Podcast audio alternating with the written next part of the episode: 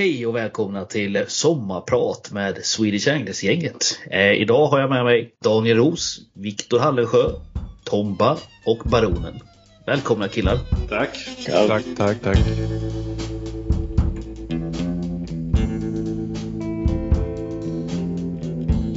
Swedish Anglers Rodpod presenteras i samarbete med Fiskekompaniet. I've had enough of your bullshit to last me a lifetime.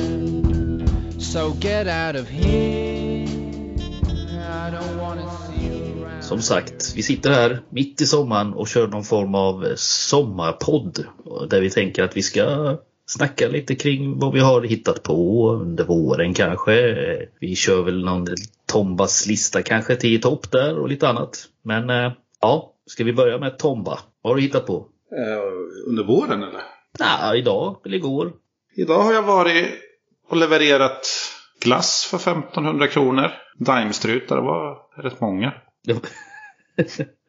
Väldigt många. Till en tant som inte hade bil och körkort. Sen har jag fikat med min goda vän Jocke och pratat hårdrock.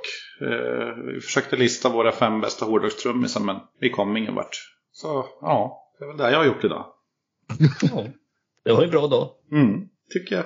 Har du inte jobbat idag? Jo, men det gör man ju varje dag. Ja, jag menar det. Jag har inte gjort så mycket annat spännande. Eh, jobbat. Knöt lite tackel till ålmete innan vi satte oss här. Det är väl det mest spännande jag har gjort. Behöver man verkligen knyta tackel till ål? Bara en sänk, sänke och krok och hiva ut. Ja, men eh, man måste ju ha sänke och en krok på spöet för att man ska kunna hiva ut. Ja, du tänker så. Ja, precis. Så det, det har jag roat mig lite med. Bästa sättet att få stora ålar det är ju att vara totalt oseriös. Man har inga bankstick med sig utan man karvar dem från någon första bästa buske. Och sen minst 18 öl. Och sen en hel räka på en skitstor slökrok och slänger ut. Och då är det garanterat få en tvåplussare. För så har det alltid funkat. Så har det alltid funkat. Ja, alltså vi har försökt att vara hur tokseriösa som helst med vår, vårt ålmeter vid Eskilstunaån med omnejd genom alla tider. Och vi har aldrig kommit över två kilo. Men det känns ju som att varenda alkoholist har ju fått minst fem över två. Vad härligt. Ja, Man, man, man känner sig så nöjd då. ja men det är sådana nybörjarfiske, är det inte det? Alltså det gäller att vara jävligt usel på meter, då får du stora ålar. Ros fick en jävligt liten ål sist vi metade. Ja men Ros kan ju meter. Ja, det är sant. Nej men det är min teori att eh, förlorat all kontroll över grejer. Betena bara ligger fast i botten. Det är därför man får ål. Alltså när man inte kan fiska. Ja, kanske det. Vi ska inte fördjupa oss för mycket i uh, nybörjartur och ålmeter kanske. Vad har Ros hittat på? Idag? Ja, eller igår eller i söndags. Mm. Du får välja. ja, idag var det ingen speciellt rolig eller spännande dag. Det var besiktning på ett bygge. Och, så det var, ja men det gick bra så det kan vi släppa det där. Igår, då satt jag och Krille faktiskt och nöjesmetade lite. Vilket, vilket vi konstaterade att det är inte jätteofta man gör det. Det är inte tillräckligt ofta i alla fall. Nej. Mm, men det var väldigt mysigt. Förutom när, när kalvarna kom fram till oss först där på, på kvällen när det var lite jobbigt, det måste jag medge. De, de var ju sjukt envisa. Ja, det något så fruktansvärt. De ska slicka på allt. Och det, ja visst, du, du lyckades ju skrämma dem lite där, men jag har inte riktigt hjärta till det. det Ja. Jag vet inte fan vad det är. Behöver en Det- liten avhyvling bara. Ja, så det, det är väl det närmaste. Ja, ja, det skulle man ha en taser, ja. ja, det var snyggt. Slicka på det. Nej, annars eh, har jag väl inte. Jo, jag var ute och körde ål. eh, Jag fick ju ål igår där och sen körde jag ål för ett par, tre dagar sedan också i, i en annan å här i närheten. Hur gick det då? då? Eh, Då fick jag allt förutom ål som vanligt. Lite så. Och när du inte ville ha ål, då fick du ål. Ja, Ja, tyvärr är det ju faktiskt så. Det ligger något i din teori Tomba. Mm. Ja, jo, Det är förjävligt. Ja, Vicke då? Ja, vad jag har gjort idag? Jag har sprungit en och en halv timme. Fy fan. Vad är det för fel på det? Vart skulle du? Ja, ja kan man undra. Skulle ingenstans. Till ett paniktillstånd. Ja, ja, ja, man måste ju röra på sig. Så, så, så är det ju. Ja, man måste få ut lite aggressioner. Jag har ju semester nu så att... eh, Ja, så du har semester? Aggressioner på semestern. Mm. Ja, men man måste få av sig lite aggressioner innan man har semester. Så, så är det. Mm. Eh, sen har jag packat undan eh, alla spinnfiskegrejer och sen har jag börjat riva fram alla karpfiskegrejer. Det blir eh, karppremiär till helgen, fredag, lördag, söndag. Det är lite sent va?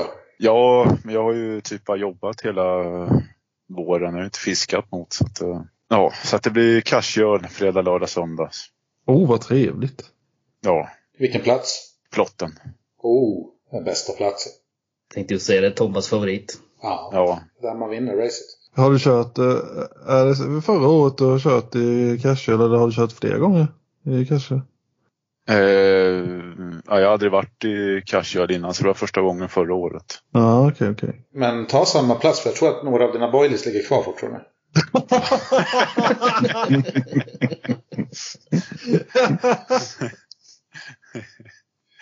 Ja, ja det lär de garanterat göra. Mm. Tomma kommer aldrig glömma ljudet av det kaströret. Nu har ju skaffat en sån här eh, station så att nu kan jag stå och mata i flera timmar till. Mm. Behöver ens inte böja det. Nej. Sexigt. Ja. Baronen då, vad fan har du gjort? Ja, jag kom hem från en eh, fyra dagars fiskeresa Mm. en bit härifrån. Kört en liten satsning på kanadicker. Spenderat 15 timmar om dagen i en båt. Har du Eh, sjöben nu eller? ja, skapligt. Ja, man är rätt sliten faktiskt. Från fi- fisket eller något annat eller? Ja, allt möjligt. Nej, fisket. Ja, ja, det var väl tungt åt levern stundtals, men, men eh, det löste sig ju det med. Mm. Men, men, eh, ja, men det gick väl bra.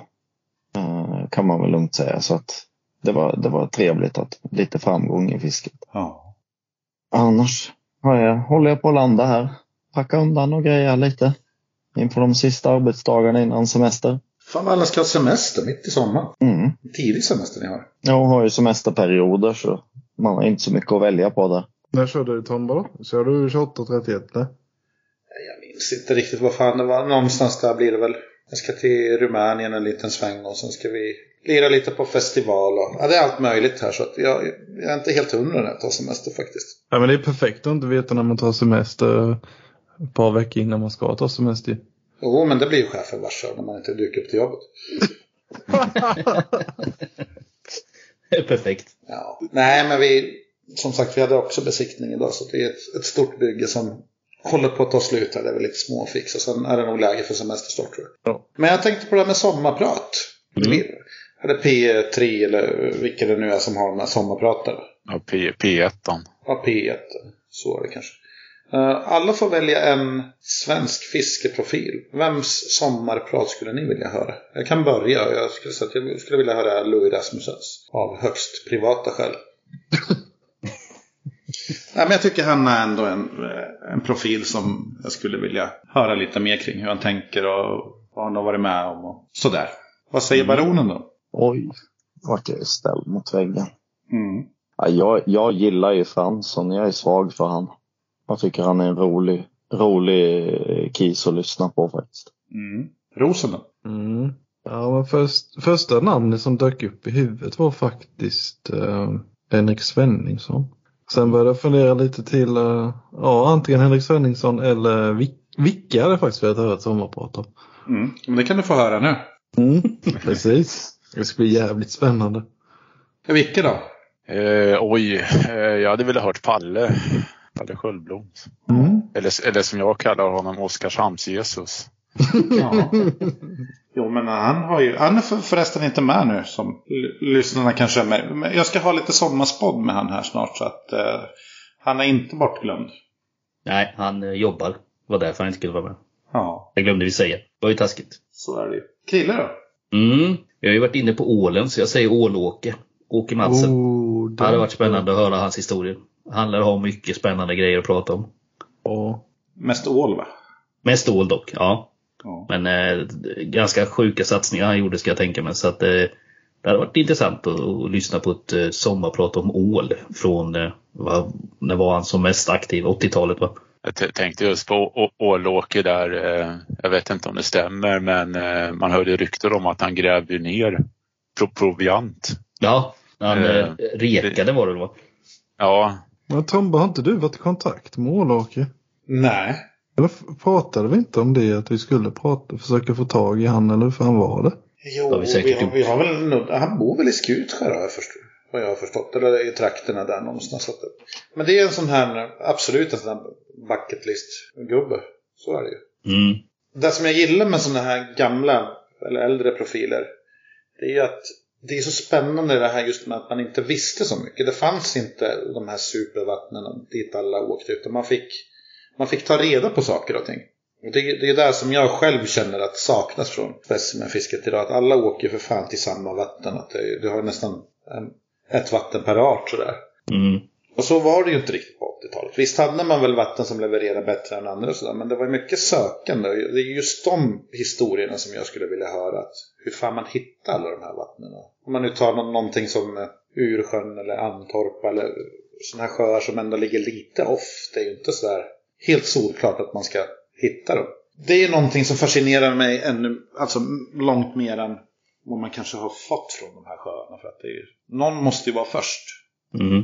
Och förstår du hitta Antorpa till exempel? Det måste ju, det måste ju ha känts mäktigt på något vis. Ja. Vi dividerade lite om det igår ju, Krille. Mm. Så vi gjorde både med, jag vet nu dividerade vi Rudavatten och Sutavatten och allt vad det var. Men samma tanke lite, det är väldigt äggande tanke på något vis. Hitta ett vatten. Att hitta ett i sin närhet på något sätt sådär som man... Ja, och det är väl, Ja. det är väl så det var lite. De vattnen som är supervatten idag är väl. Det är ju folk som har hittat dem i sin närhet. Känns det som i alla fall. Ja, men om man kollar spe, spe, speciellt på ål till exempel. Jag menar Matti Kock han fick ju en trea från Fyrisån av alla år. Och det kommer ju sådana här höga tvåor lite här som. Och ålfiske idag, visst ålen kanske inte mår på topp sådär. Men, men ändå så tycker man att det borde ju finnas säkert ett par hundra vatten där man kan få en riktigt, riktigt stor ål fortfarande. Vad skulle du säga en riktigt, riktigt stor ål? Är det 3 plus eller? Ja, För så, det vattnet där vi fiskade igår Grille, där, där vet jag ju om flera 3 kilos fiskar, alltså verifierade 3 kilos fiskar som är delvis hittade döda. Och sådär. Någon som är, de har hittat en ålkista och någon som har fastnat Ja. i ett rensgaller som vägde 3 och 2, 105 lång, grov som en boorm. Så det, där finns det ju sådana fiskar. Men det är klart det är ju, det gäller att sitta rätt tid och på rätt plats. Som allt annat fiske å andra sidan. men ålrekordet måste ju vara en av de svagare vi har i landet. Om man jämför med finska rekordet ja. Nej, men alltså ålar, ja, i stort sett. Men Ja, inte om du jämför, inte om du jämför med liksom vad, när fan fångas den trea sist liksom. Ja, det vet jag inte. Ja, Det är inte inte- som man känner igen sådär så var det väl ett tag sedan. Ja, och jag Men- menar sven, svenska rekordet är väl på, är det inte på 3,7, 3,8 någonting? 3 och 7. Ja. Mm. Men det är, det är ändå, om man nu ser till vad maxvikt på arten skulle vara så tycker jag att det är skapligt dåligt sådär. Jo, så är det väl kanske. Det fiskas nog väldigt lite ål. Det är nog mycket, det är nog, alltså jag tror det ligger mycket i sanning i det du sa. Alltså det är amatörer. Och sen så är det de som är väldigt seriösa som fiskar ål. Alltså det är inte mellan, något mellanting sådär, Svenssonfiskarna eller så. Nej. Nej, nej, men så är det nog. Jag tror det ligger väldigt mycket i det. Men på den tiden när det fortfarande fiskades så metades en del ål. Då, då var det ju flera ålar över 3 kilo som fångades. Och höga tvåor och sånt där. Så nu när det har blivit som där, då är det bara en, en sjö i stort sett där folk fiskar. Och ja, det är ju svår, svårt att få en större ål än vad som simmar i den sjön. Mm. Men fiskas ål på sina håll, det gör det. Alltså det... Jo, men det är inte samma. Det är väl återigen det här lite med specimen-tävlingen. Att folk lägger ju inte timmarna på okända vatten. Eller åtminstone inte lyckas i okända vatten. Men jag tror att eh, alla år, ska det vara ål, ja då åker du dit. Ska du faren, då är det Dyltaån. Ska du ha björkna, då åker du till Dalälven. Ska du ha brax, då åker du till Rögle, bla bla bla. Och då blir det ju att de topparna som finns där, det är de topparna man får. Jag menar, jag tror att det är svårt att få en brax som är större än, än som simmar i Rögle. Men ål, definitivt större än vad som finns i, ja, vad det nu heter, Landsjön eller Landesjön eller. Mm. Ja men det tror jag med att eh, det, Men problemet är nog för många att det tar ofantligt mycket tid. Det är en ganska obekväm tid att du ska fiska genom nätterna och så vidare. Att många har kanske inte tiden eller inspirationen eller orken till det heller. Och då blir det att man åker och kör några nätter i Landsjön och sen så hoppas man på det bästa för där har man goda förutsättningar. Jo, visst så, så är det. Men, men ändå så här, får man en två kilos från något lite obskurt vatten så måste det där kännas som en, en riktig vinst. Mm.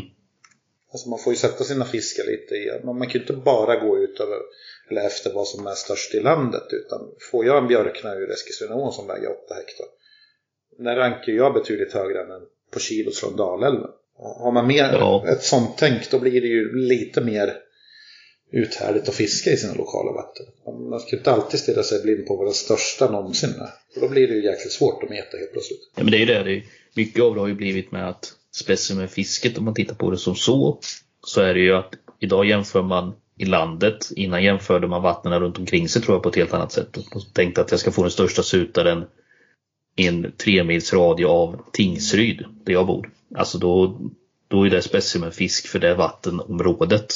Och då kanske den vägde 3 och 1.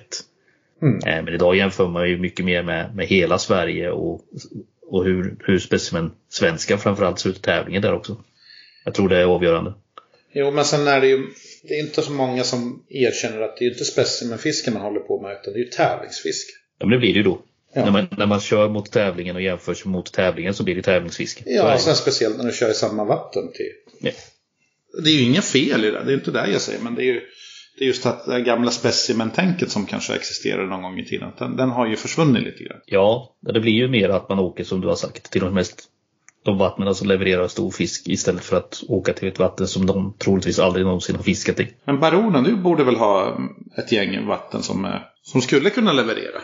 Absolut. Och eh, det finns jättemycket vatten som absolut kan leverera men det är ju ingen som direkt vill helst röja de där vattnen heller. Då väljer man ju kanske inte att anmäla dem. Nej. Eh, Men då är det ju folk som är seriös, seriösa specimen hunters som egentligen inte går in och röjer vatten. De gör det ju för sin egen skull. Ja, men som Mörten till exempel, det är ju ett glapp där från Lappland till Stockholm i stort sett. Alltså antingen fiskar man mört längst ner i landet någonstans, eller så åker man så högt upp i landet som möjligt. Mm. Det borde ju finnas tiotusentals fina mörtvatten överallt. Det gör det, det gör det ju säkerligen men att få riktiga prax- praktexemplar så krävs det väl hyfsat unika förutsättningar om det inte matas upp. Vicke då, du, är ju, du har ju varit med och tävlat länge och sådär. Nu har ju inte du, du tävlade ju ingenting förra året och sen i år så har du jobbat mycket. Har du kört något sånt här lokalt plojfiske eller? Uh, nej, jag har, nej, jag har knappt hunnit med någon fisk i år tyvärr. Det har blivit, uh, jag körde lite gädda i Vättern i våras och sen uh, ja, Dalälven var jag en sväng i april men det var ju total fiasko. Havererade bilar och allt det där. Så att, eh, och sen har jag varit i Svartån och kört. Hur gick det då? Eh, åt helvete.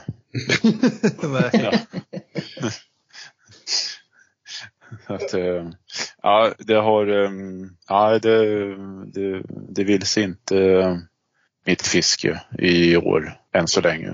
Jag har en vettig fisk, det den sarven på eh, 1460 från Motala Ströms. Nej, men våren har ju varit lite knepig också. Det har ju varit vinter, vinter, vinter, sommar. Alltså det fanns ju, våren var i stort sett tre timmar. Ja. Jag, ty, ty, jag tyckte ändå eh, Svartån kändes het i våras eh, men eh, det kom ju inte upp. Det var ju mycket låga trier som kom upp. Och sen var det ju två större fiskar som kom upp. Så att, ja, det verkar som det var segt ändå. Färna vi- viskar en krille då? Mm. Ja, jag lite segt måste jag säga. Jag körde ju eh, Mörrumsån. Men det var ju så otroligt mycket vatten så långt in på säsongen så att många av de eh, platserna som man eh, brukar kunna fiska på, som brukar kunna vara vettiga, eh, var ju egentligen omöjliga att komma till. Eh, Så eh, Samtidigt är det ju bra för då tvingas man ju prova lite annat men det genererade ju inte något nämnvärt jag fick. Jag brände en, en en tung fisk och så fick jag en på ja, 2,870 tror jag det var. Så att eh, den, den var ändå det var ändå en, en okej fisk. Eh, men det var inte så många pass tyvärr för att det var extremt dåliga förutsättningar här nere. Tyvärr. Men så är det ibland. Jag tror jag kan ha gjort 8-10 pass kanske. Ja, själv körde jag också mycket.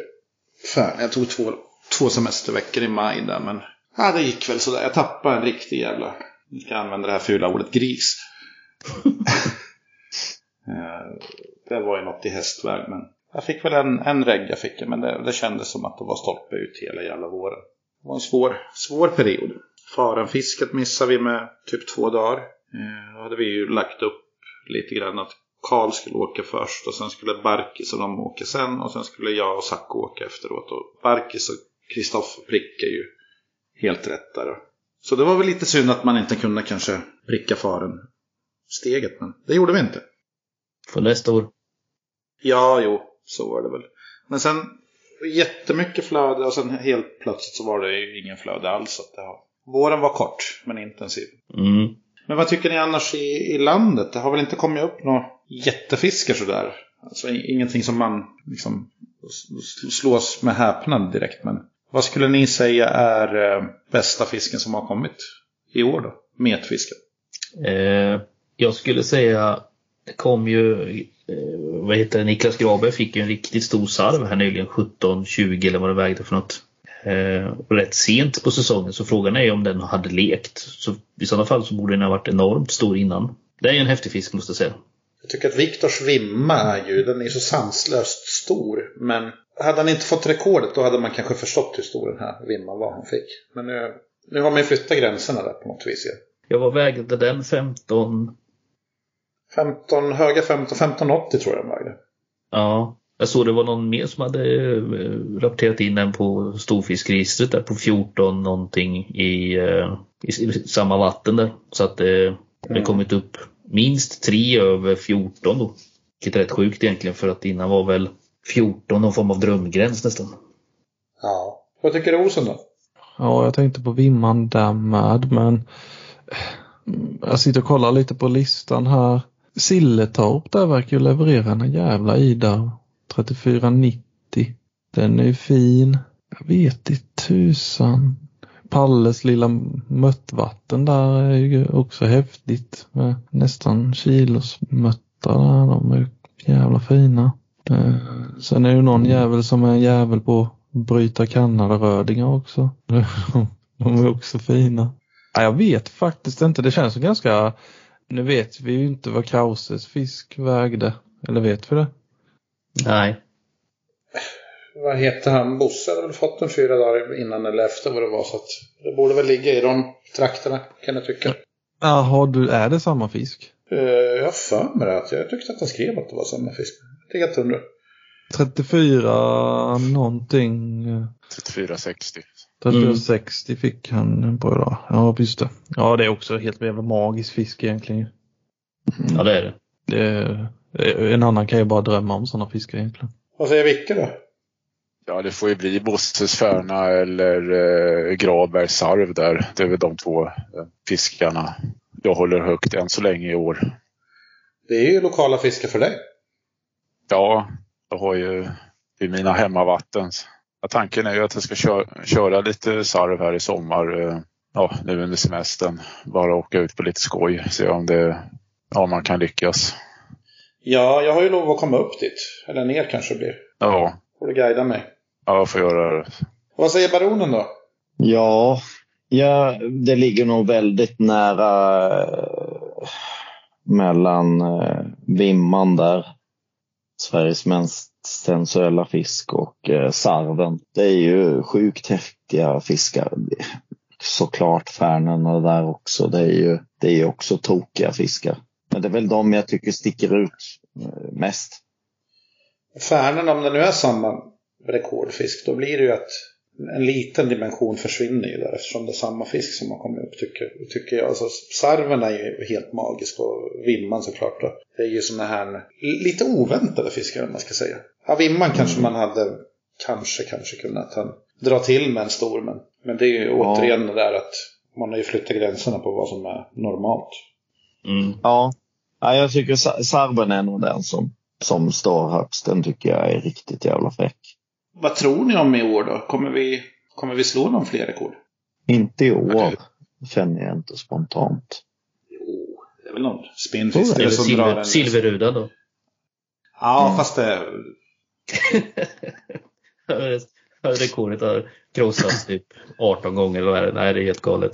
Ja, nej, men förra året så sa jag att de spinnfiskade skulle få en rekord i. Då var jävligt nära att jag fick rätt där. Jag tror någon kommer dra en riktig jävla monstergös eh, i höst. Ja, fast de, det är ju predatorer så de räknas ju. Du tänker så. Ja. Då håller vi oss till meter här. Det går väl att meta dem också. Oh, jo, det är jättepoppis.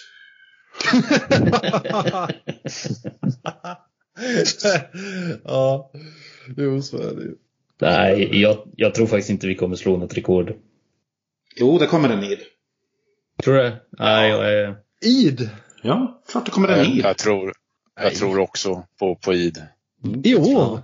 Ja, En riktigt stor hösttid då, tänker ni? vänta tills jag åker till Mörrum. Ja, du har, du har ju förtjänat den där. Riktigt jävla... Ja. Ja, jag är väl den enda som tycker att det är kul i Mörrum. Jag har bara hört skit därifrån. "Ö, Fy fan, det är ett helvete, döda får och spolverk. Och jag, jag njöt när jag var där. Jag tyckte det var skitfint där. Jag tycker också det är trevligt där. Ja, det säger du nu när de spelar in. Men... Nej, men vadå? Där är ju tid. Det är fint det. Inte Ja. fint. Nu lät det som Karl igen. Ja, otroligt vackert. Otroligt vackert. Nej, men jag... Det är kul det. Mm. Verkligen. Det, är, det var så givet att man skulle åka dit. Det spelar ingen roll om jag inte får någonting. Är, jag är nöjd att bara finnas till där vid spolverket. Då. Leta döda får och Ja, dra brass. ja, PB i Brax, det är inte helt fel. Nej, absolut inte. Är ni sugna på en 10 topplista då? Ja men kör det. Tompas 10 i topplista. Här sommarspecial här. Eh, Det är 10 saker som endast vi metare förstår. Mhm. Då tänker jag, då säger jag här någonting och sen får vi försöka prata lite om det. Börjar vi med plats nummer 10 då. Att det är en ocean av skillnad mellan mainlines och Dynamite Bates boilies. Men absolut ingen skillnad alls mellan nudlar och hängmörad oxfilé.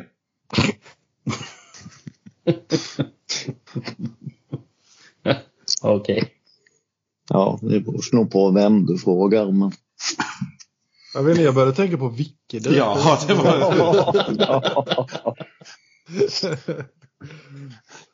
Vil- Vilka hade ju tokdissat vid oxfilén där istället. Ja, man kan köpa två Ja. kilo extra boilies för de pengarna. Ja, ja visst. Ja, ja, ja visst. Ja. Nej, men jag tänkte väl där att det är ju det är lite lustigt det där med, med boilies hur man ser ut. Att jag, jag, jag boostar aldrig mina boilies. Men inte alla boilies boostar redan från fa- fabrik. Alltså folk är ju så här nördiga med boilies. Att jag, jag kan mäska med vad fan som helst. Men ska jag meta då måste det vara en mainline bla bla bla. Mm. Ja, då är det viktigt med märket. ja, eh, alltså det, det blir ju så att man, eh, i alla fall jag eh, vill ju ändå mäska med kvalitetsboilies. Mm. Sen vad man själv, själv stoppar i sig det är ju inte så noga. Man kan eh, köpa ett kilo nudlar för 10 spänn Mm. och käka. Det, det gör inte mig någonting. Ja, men jag hade faktiskt lite dig i åtanke när jag skrev den här. Ja, ja, ja jag förstod det. Jag har faktiskt ökat mitt eh, månads eh, matkonto till 750 spänn. Ja, ah, vad dyrt. Det är ju Ja, istället för en 500 i månaden så Är det för att springa Det så det- mycket? ja, jag måste ju lyxa till det lite sådär. Så att, eh, Men vad är det för excesser du har lagt till då? nej, men jag köper färsk pasta istället för eh, vanlig pasta och sådär. Så att, eh, Istället för den gamla mögliga som du köper annars. ja, precis. Lyxa till det med någon frukt eller grönt sådär. Så ibland så. Ja, men det är bra. Det är bra. Ja. Mm. Nummer nio då. Att man ser ut att vara jäm, jämngammal med Arne Weise trots att man är nyss fyllda 27.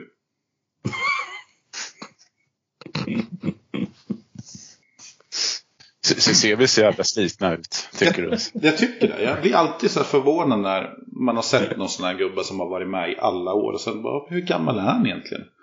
Ja, men säg Martin Bengtsson till exempel.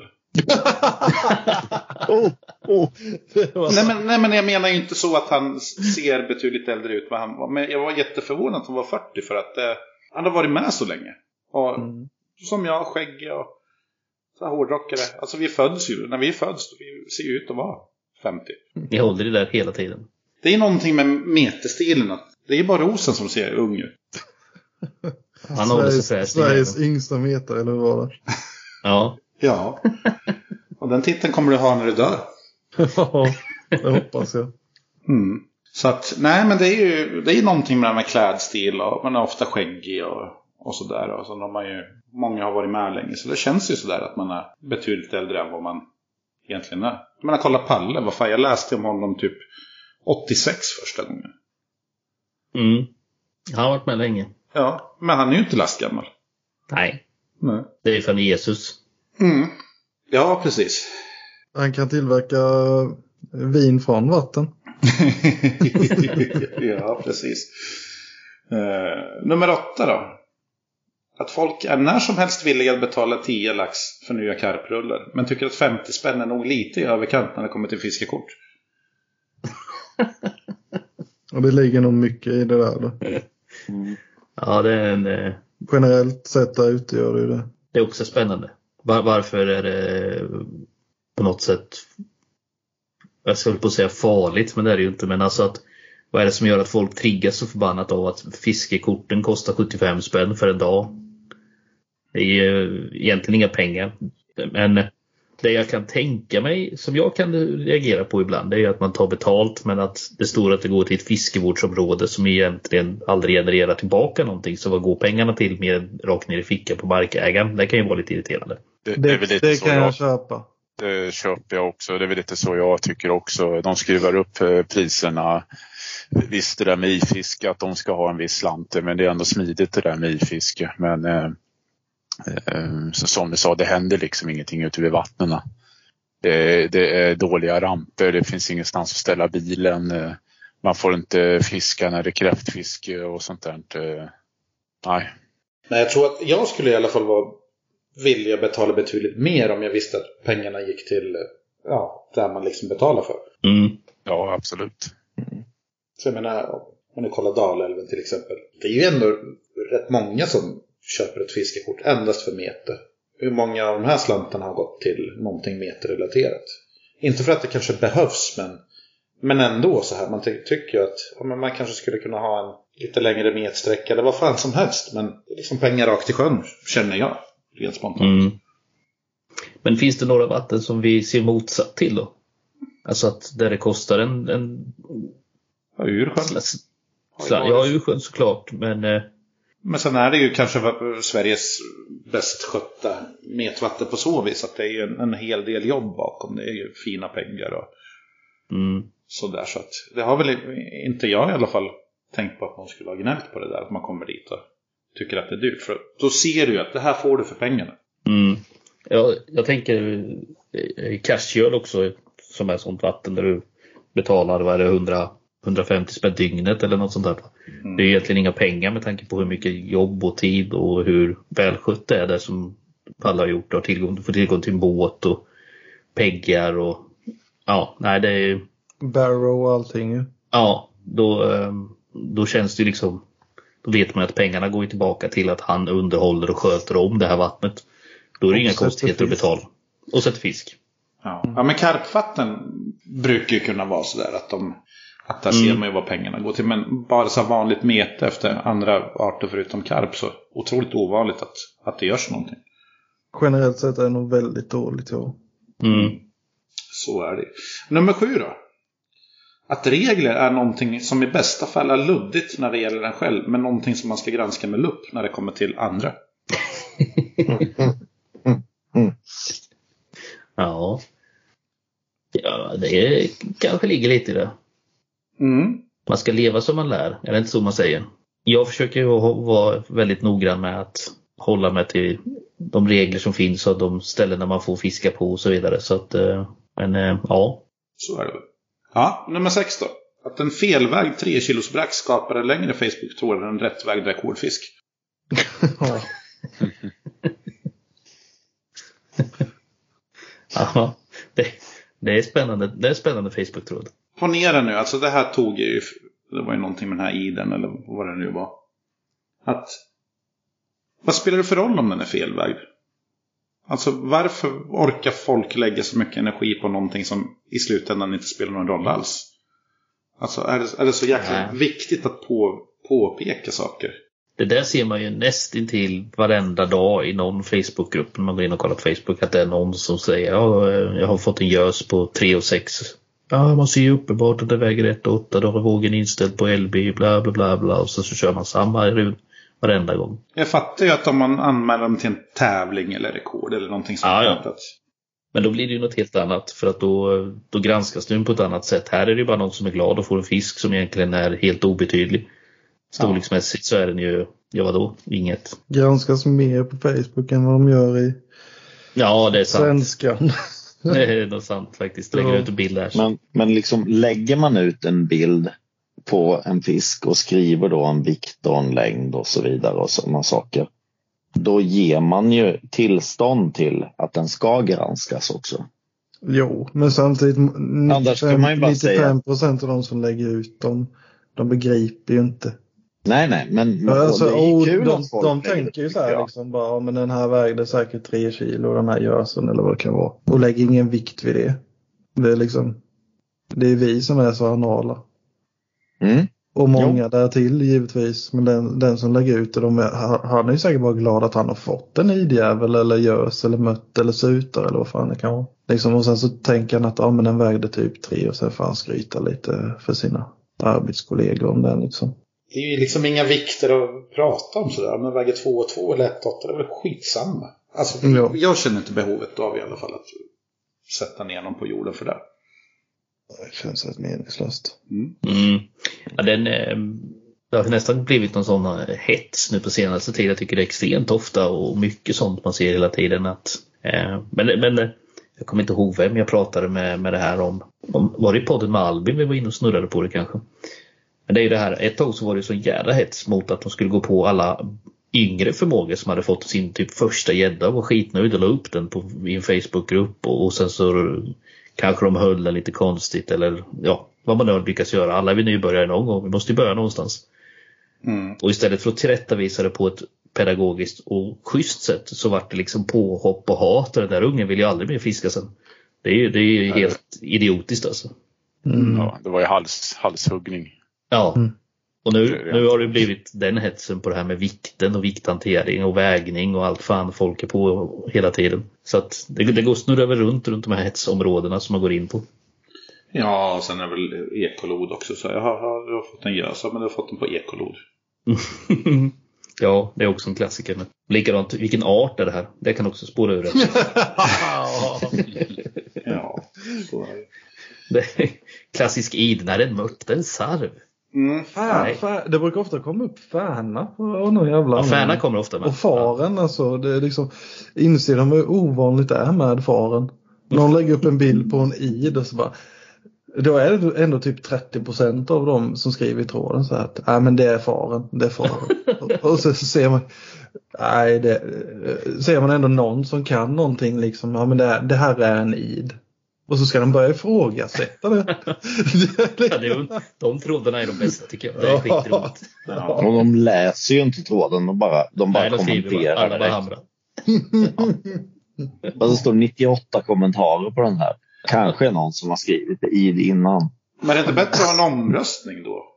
ja det hade varit underbart. Ja, helt klart. Ja, som på Vem vill bli miljonär? När publiken får svara. ja. Kan vi, det, det ska vi göra i vår Facebookgrupp. Lägga ut en bild på en id och så kör vi en omröstning och ser vad som dyker upp. Mm. De som inte svarar id vet vi inte om de får vara kvar då. Jag förstår ju att vanliga lekmän kanske gör det. Men det är så här för fish och grejer. Nu stiger Mörten för lek, så har han en bild på en id. då, då tänker man, men där kunde man ju kanske ha så här för fakta granskat lite grann. Ja, det, det var fantastiskt var. Mm. Ja, nummer fem då. Det är extremt svenskt att man årligen lägger ner 120 000 kronor på sitt mete ur egen ficka. Men kallar sig för sponsrad när Wigle skickar en gratis maskburk. På något sätt så känns det alltid lite finare om någon annan betalar än att man faktiskt själv bekostar sitt djurplågeri. Maskburk också. ja. ja, det kanske är något. Folk strävar väl efter att bli sponsrade. igen. Ja, Det verkar vara hett. Jag vet inte. men är det något att sträva efter då? Antagligen inte. Du lär ju få betala mer för det än, än vad du får ut av det. Jo, men säg att du är sponsrad av, eh, ja, vi säger, vi säger Fladen så trampar vi inte på några tår här. Och så varenda gång du ska ut och fiska eller någonting så ska du ha Fladen tröja, Fladen kepa, Fladen beten och bla bla bla. Alltså, för det här lilla du får så blir det ju ändå lite av ett besvär. Ja, du målar ju in ditt hörn om du gillar att använda olika saker. Alltså som, ja, ska vi hålla oss till fladen och till exempel spinnfiskebeten eller någonting, ja men då har du ju bara dem du får fiska med. Jag kan ju inte se det som en fördel. Nej, det kan ju inte jag tänka mig. Fladen kan ju inte vara bäst på allt. Det kan ju inte Shimano eller Daiwa eller Abu eller vad man nu är sponsrad av. Nej, Utan man, man vill ju plocka russinen ur kakan. precis. Vad säger ni andra då? Alltså, jag är Ja, inte helt alltså- säker på att man låser sig fast vid det märket heller. Det är ju inte så att alla som är sponsrade bara använder de sakerna som kommer från de de samarbetar med. Nej. Eh, vad, de, vad de slänger ut medialt är ju det. Men sen Mm. så är jag ganska övertygad om att så inte är fallet. Men, Du men det menar är att de klart, det är, fuskar? ja, Det är ju för jävligt. visst men- är det. Men säg att du är sponsrad av Abu och så får du rekordabborre på, eh, fan vet jag, Shimano-bete. Mm. Det blir ju lite jobbigt att anmäla den. Nej, du hänger ett ABBete i munnen. Ja, ja, ja. ABBete. Det är inte alls svårt. klassiker. Ja. Det är ju fantastiskt att alla liksom sponsrade fiskar har ett bete hängande i mungipan så där Ja. snyggt. Precis som det skulle vara. Precis. Mm. Hänger Ja. lite försiktigt så. Inga svallkrokningar där inte, utan det är, det är lite fint i mungipan. Ja. Eh, men det är ju klart, det är ju en reklamgrej. Det är ju, de får ju betalt för det, men det är ju inte särskilt. De flesta sponsorkontrakt är väl ganska ogenerösa egentligen eh, mot vad de får tillbaka medialt i Sverige ja, men man får väl kanske lite mer creds också om man inte bara går ut med de prylar man är sponsor. Utan man visar liksom att men det här är ju ett bolag som jag tror på. Det här är ju deras grejer tycker jag är jättebra. Men kanske inte alltid hela tiden jämt. Jag menar om du kollar på Martin Baulers grejer. Det är inte så att allting har varit från drännan, från kalsonger till lina eller vad fan som helst. Utan det gäller väl att bygga ett... Alltså för mig är det gott nog om man kanske fiskar med drännans spö och har Mm. lite hovar och grejer. Men sen om man har en Shimano-rulle till, ja, vad fan spelar det för roll? Jag tycker att det, Jag det tror- ger... Jag tror tyvärr att de flesta företag inte ser så på det. Utan Nej. då vill de ju helst se att man nog använder deras grejer även om det är lite halvbacon. Ja, men man ser ut som en clown till slut. Ja, jo, men det är ju det är Är inte så det är. Sponsrad av Nash nu? Jo, ja. Han lämnade ju Drennan och Sticky Baits för ett tag sedan. Nej, men alltså i, i vissa fall så, men så är det ju som i Vickas fall, han är ju lite småsponsrad här. Och det ser ju lite som en nära för att han har ju förtjänat det. Han har ju, han har ju fiskat och eh, om man säger så här, Vicke har ju inte fått det på grund av sin fantastiska Instagram-förmåga.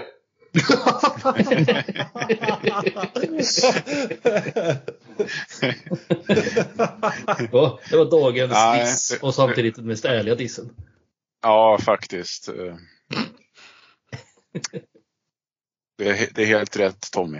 Ja. Nej men alltså, jag är glad för din skull. Det är helt rätt man som har fått det här uppdraget. Ja. Får sluta upp med den här jävla löpningen bara. Mm. ja, jag får sluta springa nu och börja fiska istället.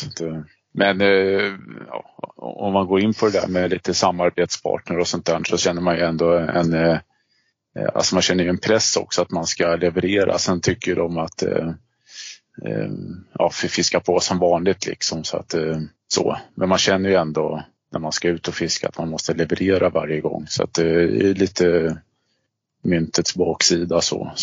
Tyvärr. Alltså, det gäller väl kanske att ta det på rätt sätt också. Nu, om du sponsrar av karpgrejer så kanske man får tänka lite. Ja, men då ska jag kanske fiska lite karp och tänka ut några roliga vatten och lite nya grepp och sådär. Så att tar man det på så vis då kanske det kan bli till och med lite roligt. Jo, precis. Ja, nummer fyra då. Det här är lite så här halvgrovt men att vi vet allt om maggots men få har sett en vagina. Och där menar jag väl kanske att vi, vi vet så otroligt mycket om så obskyra saker. Som maggots eller linor eller vad fan som testkurvor och sånt där. Men det verkliga livet det är ju inte där vi kanske är proffs på allihop. Nej. menar, men är man en metare och man lägger sina 100 till 150 pass. Men det är klart det sociala livet. I alla fall för min del, alltså det blir ju lidande såklart. Folk bara, "Åh, ska du följa med på krogen? Nej, jag ska köra lite faren här. Ja, nej. Fan, eh, Det låter sunt tycker jag.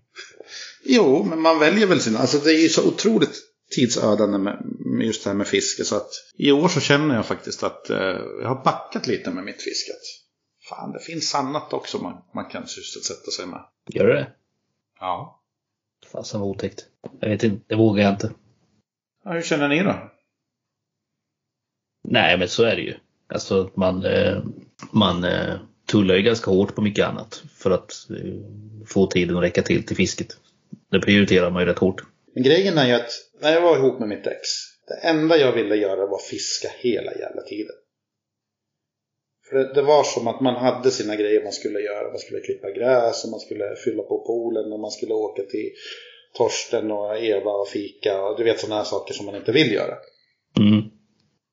Och sen när jag inte längre är ihop med någon och har hur mycket tid som helst. Då känns det nästan som att suget är borta för att jag får ju fiska hur mycket jag vill. Ja, men, nej, men då är det inte så jävla intressant längre. Du tappar den där lilla längtan eller Ja, jag tror det. Att man kanske överfiskar lite grann. Eller förra året var ju, det var ju hemskt. Jag var ju ute varenda jävla dag kan man säga. Och så Mm. kände jag mig lite så här utbränd. Så här, ingenting alltså fiskrelaterat på hela vintern. Och så hade jag skitsvårt att komma igång i vår. Och så. Ja, jag vet inte. Nej, det, det kanske är Längtan kanske är bättre än själva fisket. Ja, och så är det kanske. Jag vet inte. Ja, ja, skitsamma. Uh, nummer tre. Att vi lite fint skriver använd gärna mattan nästa gång så mår fisken bättre än någon som postar en bild med en matgös på gruset. Samtidigt som vi själva fyller en keepnet med fiskar som vi ska fotografera 12 timmar senare nästa morgon. Ja. Eh, det, ligger mycket där alltså. Men det, I Sverige är det väl kanske inte super, super vanligt med ett keepnet 12 timmar senare. Men tittar man mot den engelska delen och tävlingsfisket eller vad de nu kör för någonting. Där är det ju helt galet. Alltså de har ju hur mycket karpar i 3-4 kilos som helst i ett keepnet ibland. Det ser helt, helt galet ut. Ja, jag har ju sett keepnet som ser ut som en, ett avloppsrör med propp. Alltså det bara sväller åt alla håll. Och, och sen har de mage att ta kort på det där. Ja. Men det, jag vet inte, det kanske är rätt. Jag är ju extremt dåligt insatt i tävlingsfisket. Jag kommer inte till tävlingsmetern. Det är kanske vanligt i Sverige, men jag vet faktiskt inte. Vet ni andra något om det? Jag tror specimenfiskare generellt sett fiskar nog inte, kör nog inte mycket med, med keepnet. Det tror jag inte. Det är nog tävlingsfiskarna. Och tävlingsfiskarna är ju inte så många. Nej. Jag tror inte det är så förekommande faktiskt. Det är väl karp man säckar kanske. Ja, det är det ju. Och då säckar det ju en karp i varje, varje säck liksom. Nej, tills det är fullt. Men sådana här bilder där man har ett, eh, tre, två, tre stora fiskar på, på mattan. De är rätt schyssta måste jag säga. Jag tyckte, var det inte eh, hade inte Graberg fått några stycken rätt Jo. stora som var på mattan där och sen höll han upp en och sådär. De, sådana bilder tycker jag är, de är coola. De- Ja. De är, de är ju fina. Men när, när det ligger liksom en stor hög med fiskar på varandra. Då är det kanske inte riktigt lika sexigt längre alltså. Nej, det blir det ju inte. Det blir mer köttigt då. Men, Ja. men som Vicke och Baronen, ni har, ni har fiskat mycket i uh, Motala och sådär ju. Mm. Ni kör väl aldrig något keepnet där liksom? Alltså för, där, för där kan man ju sitta och dra en del ändå liksom. Eh, vad skulle fördelen med att ha ett keepnet? Alltså, det, jag, jag fattar väl att ni eh, säckar fisk. Om, säg att ni skulle få ett par sarvar 1400 plus eller någonting mitt i natten. Ja, då är det Mm. väl okej att säcka ett par fiskar då. Men ni säckar ju inte eh, dussintals med sarv liksom. Det, vad fan är poängen med det? Nej, det blir ju lite, eh, alltså nu låter det illa men eh, när man får sådana 12-13 hundringar så ruskar man ju av dem i kanten. Ja, ja men Eh, lite Så, det så jag att det blir ju till. de där, det blir de där riktiga praktexemplaren som man eh, säckar. Och det, Mm. blir no, det blir några timmar då tills det blir bra fotoljus. Ja, jag Eh, menar. och, och, och jag har ju faktiskt nu försökt eh, ja, eh, jag försöker skita i att säcka och sen försöker jag ändå ta en nattbild liksom och sen försöka släppa tillbaka fisken så, Ja, så fort som möjligt. ja, ja, precis. I ditt. Jag menar, du har ju fått några sådana fiskar också som är ganska stora. Eh, säcken 1400 i ditt fall är väl kanske inte. Du blir väl inte jätteexalterad ändå av en sån fisk, tänker jag mig. Ja, Det är väl klart att du tycker jo, det är kul, Jo, såklart. jo, det blir man. Eh, Men eh, eh, alltså nu den jag fick på 1460 blev bara en eh, liggbild. Mm. Eh, Så fick den simma tillbaka. Så det, det är bara för man, nu fiskar man ju mer för sig själv. Så att eh, Mm. det är liksom bara att jag har fått den och jag har en bild. Mm. Så det som Tomba sa, man är ju inte jättehet på Instagram. Men har du och baronen någonsin blivit osams att ni har eh, säckat två servar och sen börjat tvista om vem, vems är vem? Nej, då använder vi ju varsin säck skulle jag tro. Ja. Fast jag vet en gång jag och eh, Percy Karlsson för jättemånga år sedan. Eh, vi hade, eh, det här är ju 15 år sedan tror jag. Vi, eh, vi hade eh, bra fiske och då la vi i samma säck och då blev vi lite så här vems var vems och sen då fick man hålla på och väga om och sånt. Så att, eh, men vi löste det till slut så att eh, det blev rätt. Ja, kanske inte 15 år sedan men ja, 10 år sedan i alla fall. Men en annan grej med, med att säcka eller ha keepnet och så vidare. Det är ju det här med alltså att de är stimfisk och, och de här bitarna att det kan när man släpper tillbaka fisk att det ska skrämma de andra och att man får sämre fiske. Att man har bättre chans på att få kanske 3, 4, 5 stora om man behåller dem i ett keepnet och sen släpper ut dem när fisket dör ut. Ja, Det är väl då- mer en sån anledning känner jag också. Ja, Alltså framför allt. Så kan man liksom väga och fota och sånt i lugn och ro även om det är på natten. Det finns ju lampor och grejer så jag menar det går ju att ja det går ju alltid att lösa. Men det är ju, det är ju ett alternativ, eller alternativ, det är ju en anledning till att man kanske behåller dem ett tag också just för att det, det, Mm. är, det, det ligger nog rätt mycket i det där om att släpper du tillbaka en fisk så, så, så blir det liksom, den skrämmer det andra stimmet och sen så tappar du, tappar du fisket. Ja, och sen kan det ju vara så att man har, som om vi talar om Motala ström, du kanske har en glugg på en halvtimme på hela natten när sarvstimmet eh, går förbi och du hinner ha det kvar om du vill så att de bara vandrar ikring. Mm. Eh, då har du en jävligt kort lucka där och hålla på väga och mäta och fota en fisk då, då, är det ju, då har du ju bränt resten av fisket den natten i sådana fall. Så är det med Ja. med. Att de stora kommer, då kommer de ofta i väldigt små stim. Man kan få två, tre stycken på raken och sen, sen är de borta. Mm. Då kan man ju antingen hålla dem i hoven eller någonting liknande en kort stund. Jag har kört en sån här carp cradle i, i sån här flytande flotation sling i Motala ström. Jag körde en sån i Antorp, jag och Sacco. Vi fyllde det med öl och sen... Det de gjorde ju. Casual också. Ja, det funkar. Ja, det hade ju, ja, precis. Det funkar faktiskt jäkligt bra. Ja, ja, nummer två. Den bistra sanningen att, att om någon skulle sälja osynliga och luktlösa boilies så skulle någon köpa dem. Åtminstone Vicky och Baronen. Och sedan förklara att det kan finnas ett läge där de faktiskt fiskar bättre än helt vanliga boilies. Ja. ja. Den kan de aldrig säga nej på. Nej, Nej, nej. nej. Ja, men- nej, vi är nog jävligt lättlurade faktiskt. Nej, kanske inte lättlurat. Inte så jag menar. Men jag tänker så här att metare är ju experter på att inte se vad som faktiskt funkar nästan hela tiden. Utan hela tiden ska hålla på och leta sådana här konstiga lösningar till problem som inte existerar. Jo, men det är ju lite så. Man tänker så här, men köper jag, kör jag den kroken nu och det betet så kommer det gå jättebra. Fast man eh, liksom har ett koncept som funkar redan så, så tänker man att det kan bli ännu bättre. Tänker man ju. Men Mm. när man köper boilies, man, man har de här vanliga dofterna eller smakerna. Crabfish och... eh, Sen helt plötsligt bara, men den här är ju ruttet kött, mango, päron. Ja men de måste ju ha. De kan ju vara coola. Alltså så funkar man ju lite grann. Mm. Eller jag åtminstone.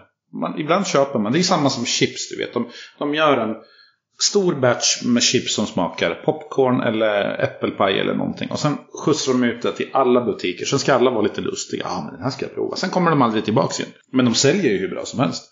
Och lite så funkar det ibland med fiske, fiskegrejer med. Att man kommer på sig själv. Vad fan köpte den här för? Mm. Det är en fråga jag ställt mig själv många gånger. Och speciellt när det kommer till dofter och sånt där. Ja, nummer ett då. Att alla hjältar inte klär sig i cape. Våra sig i slemindräkta gratiströjor från någon mässa i Östeuropa man besökte i mitten av 90-talet. För övrigt sista gången man åker utomlands utan spö.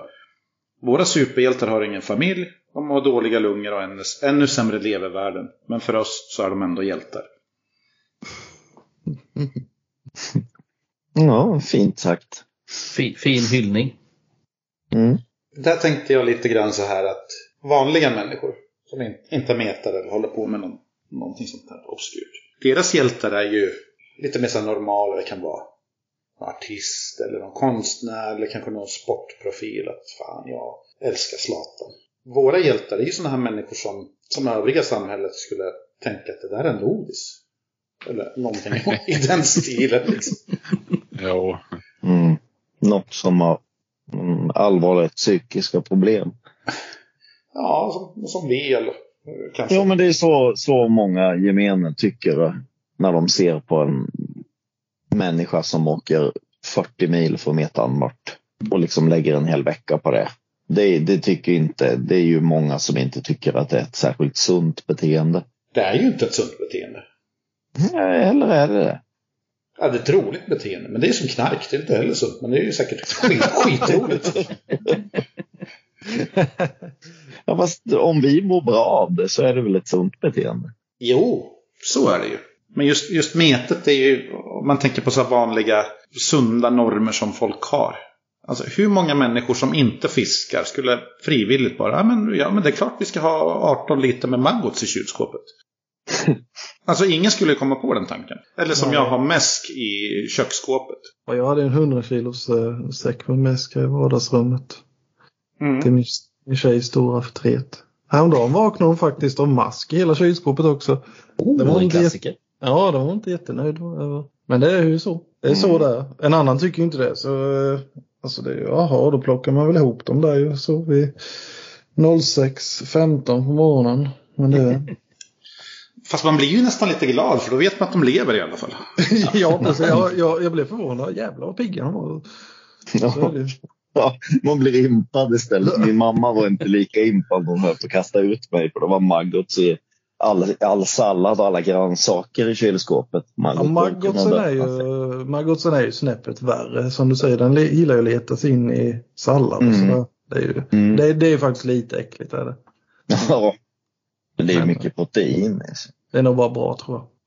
Ja, nej men det är just det här med, med meta, alltså när man drar det till en viss gräns. Att jag kan inte ha något annat än den djupaste respekt för, för sådana människor. Att de ändå liksom ödslar det enda livet man har på det här. Eller ödslar är väl kanske fel ord, men dedikerar ett helt liv för någonting. Och det är väl så utvecklingen går fram. Alltså någon måste ju dedikera sitt liv åt eh, gamla leksakståg från östblocket.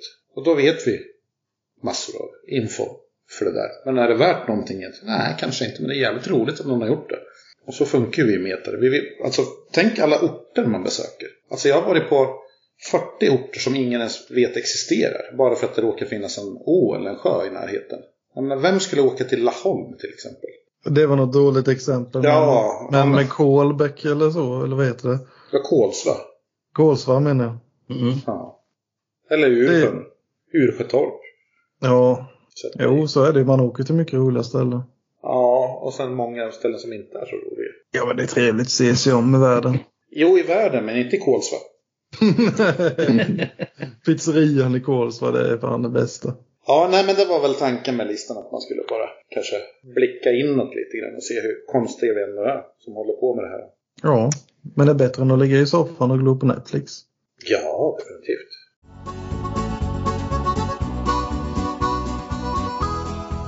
Sen nästa grej vi hade som vi pratade inför podden, det var ju att alla skulle hitta en pryl som var jävligt bra att ha med sig, som inte tillhörde själva fiskeutrustningen. Alltså någon smart grej. Sådär. Kanske någonting att vi enklare bära eller frakta grejer eller någonting med matlagning eller belysning eller ja, vad som helst. Och själv kände jag att det var extremt svårt att komma på någonting. Så därför får Jag kan jag... hålla med. Ja. Så därför låter jag Krille börja. Du är ju, du är ju Swedish English pryl, prylbög. Ah, är jag verklilen det? Ja. Det är för jävligt. Alltså till sådana här grejer. Du, du är expert på smarta lösningar. Vicke han är ju liksom fiskeprylskillen och sen har du ju baronen som är spinnfiskemannen. Spinnfiskeman. Ja men vi har alla våra olika. Jag har ju mer spinnfiskegrejer. Han bara ja. Men Krille han är ju vida världskänd för att han, han är bra på smarta lösningar. Och då är ju faktiskt så, så att jag har ju inte kommit på något vettigt alls att säga här. eh, ja, vi pratade om det innan. Så här, ah, fasen, jag har inte kommit på något. Kom på, jag kommer inte heller på något så här jättesmart som det så sett. Men nu har jag ju i och för sig gått ifrån det. Men jag kan ju dra en sån. Det finns ju, alla vet ju att jag, kaffe är ju exceptionellt viktigt för mig. Så att där har man ju försökt hitta någon smart lösning för att kunna få, få i sig gott kaffe. Inga jävla pulverkaffe och sån skit utan det ska vara gott kaffe. Det finns ju en jävla smart lösning om man vill brygga direkt i en termos. Så finns det så här kaffefilterhållare som, är som man kan trycka ihop så det blir jätteplatt och tar typ ingen plats. Och då kan man ändå brygga kaffet och få jävligt gott kaffe. Det är en, det är en jävligt bra grej måste jag säga. Mm. Det, det, det är lite kul att du säger det Christian, för jag har faktiskt beställt en sån. Nej. Ja, jag var liksom, det var den grejen jag tänkte. Jag är också så trött på eh, pulverkaffe. Jag kan äta vad som helst, men just kaffet det är fan heligt. Ja, nej, Eh, jag, Alltså jag, jag kan inte. eh, Jag har kunnat eh, dricka pulverkaffe nu, men eh, nej, det, det går inte längre utan jag måste ha riktigt kaffe. Och, eh, nu gör jag väl lite reklam här för Söder Sportfiske, men de hade faktiskt bra. Alltså. Mm. Jag kommer inte ihåg vad jag köpte min någonstans men det, det, det är ju någon sån här typ gummimaterial eller någonting som man kan. Ja, si- silikon så bara klämmer man Ja, ihop precis. den där. De, de är jävligt smidiga. Eh, Så där får väl Ja. bli mitt tips då. Silikon och kokande vatten, är det en bra kombo då? Absolut, det är nyttigt som fan är det. Ja. ja. Ja, jag kör kokkaffe. Jag tycker det är, det är trevligt när man är ute. Ja, jag tycker det blir så grisigt så att eh, ja jag tycker jag koka i panna, panna och det där. Jag körde det ett tag men eh, nej. Mm, grisigt. Ja, det blir mycket nej men sen, och, sen, och sen så ja men sen så ska man ju koka vatten i samma till nudlarna och då eh, smakar det kaffe sen. Mm. Det är där man vill hålla packningen lätt så vill man ju inte hålla på och krabba med massa olika grejer. Så. Måste ha en porslinsmelitta 102 med sig. Ja precis, det är jävligt lyxigt men eh, tungt att bära på helt klart alltså. Ja, och sen är det åtta bitar när man plockar fram den. Står man där och gråter för att man inte fick något kaffe. Ja. Vad kallas sådana här prylar som är döpta efter upphovsmannen som Melitta? Det finns ett ord för det, men jag kommer inte på det nu. Oj, Ja, svara på det så får vi vinna en mössa då. precis. Ja, rosen då? Du är man med stora. Nej, ja, jag tycker det är så kul att du nämnde Krille där för bara en liten anekdot. Det var första gången, nej, jag vet inte var vi var, om det var i Ursjön eller vad det var. Och så, jag vet inte, visst, du, jag tror du stod och stekte något kött eller något Tomba. Mm. Och så sa du, fan vad gott det hade varit med lite grillkrydda eller någonting. Och så, så, så säger Krille, ja jag ska bara kolla i min kryddlåda här. Vem fan har med sig en kryddlåda? Och sen har jag sådana specialanpassade små kryddburkar liksom för att de inte ska vara för stora. Ja, ja. då, vet, då vet man att man är seriös. Ja. Ja, det minns jag också det där faktiskt. Ja, jo, jag med. Så, ja, ren, vad heter det? Renhornssaltet. Och det går inte så ofta, så det kan man ha lite mindre till. Ja, precis. Ja. Nej, men äh, skjuter jag öppet mål här om jag säger Thermacell? ja, det gör det. Då får väl Ja. något annat. Ja, ja, ja, nej, men jag, det är egentligen det enda jag har tänkt på. Svinbra Ja. Ja, det är det. Och det kanske inte går att säga tillräckligt många gånger. Nej, annars har jag faktiskt ingen sådär. eh, Jag är ju väldigt simpel sådär när jag åker ut. Det är fiskeprylar och en stol. eh, Och en termocell. Och några eh, Fix. Och en- ja, det kanske det. Om man har med sig den om man inte behöver den. Så tänker man inte på det så jävla mycket. Men när man väl behöver den och den inte är med. Det är det enda man kan tänka på. Det är ungefär som att säga så här, hamburgerreklam när man är hungrig. Mm. Ja. Ja. Baronen, du är också så här lite överambitiös med prylar. Ja, alldeles för mycket. Men jag bantar ner ganska mycket. Men, men jag drabbas ibland ändå. Men alltså, jag vet. Sist sa jag nog kniv och det, det har jag ju sagt. Eh, men, men alltså våtservetter är en jävla bra grej att ha med sig. Men har man inte det? Det är väl ingen sån här... Har man det? Det är Ja. nyligen påkommit av mig. Vill jag som är skitig om. Jag, jag kan faktiskt inte komma på så. Jag kom fan inte på något vettigt. Det är väl att jag alltid har med allt liksom. Kanske. ja, kär, eh, kärgadd är ju bra med sig. Man kan starta en eld. Det där är bara för att, bara för att du jobbar på någon sån här skidfabrik som... Där du har tillgång till sånt där. Så då, då ser du ju behovet. Men Ja, jo, men jag, det är ju så med mig och allt. Jag letar efter ett behov för att kunna ha en pryl ja. som jag vill ha. Vilka då? Har du kommit på någon? Ja, det är ju kaffetratten. Jag får köra. Eller Thermacell. Det är också bra. Ja. Jag har ju faktiskt två grejer. En är ju sån här skrapkryss. Trisslotter och grejer. Men de här skrapkryssen de tar en jävla tid att skrapa fram när man är på karpfiske och man inte har någonting att göra. Det är faktiskt jävligt så här skönt så här farmors grej och, och liksom skrapbingo eller någonting. Så sitter man där och skrapar de där jävlarna. Alltså du får otroligt mycket valuta för 250 spänn. Och så kan man bli rik samtidigt. Eh, Men en annan grej, det är ju kanske inte smart sådär men luften gick ju ur min karpkärra, alltså däcket då. Den slängde åt helvete så gick jag till eh, Jula tror jag det var och köpte ett sånt där solitt däck. Och nu har jag varit ute och fiskat karp med Ronny och Sacco två sista gångerna. Och båda har gnällt på att fan har jag luft i däcket? Det behöver man aldrig tänka på. Det är faktiskt jäkligt skönt. Mm. Ja, det var ju faktiskt smart. För du vet när man packar hela jävla vagnen full och sen Oj, fanns ingen luft. Då är det inte kul. Det är hopplöst. Mm. Men är det däcket lika stort i dimension som det gamla då? Nej, för fan. Det här ser ut som en... Men det kommer fram ändå jag. Ja, man har väl muskler.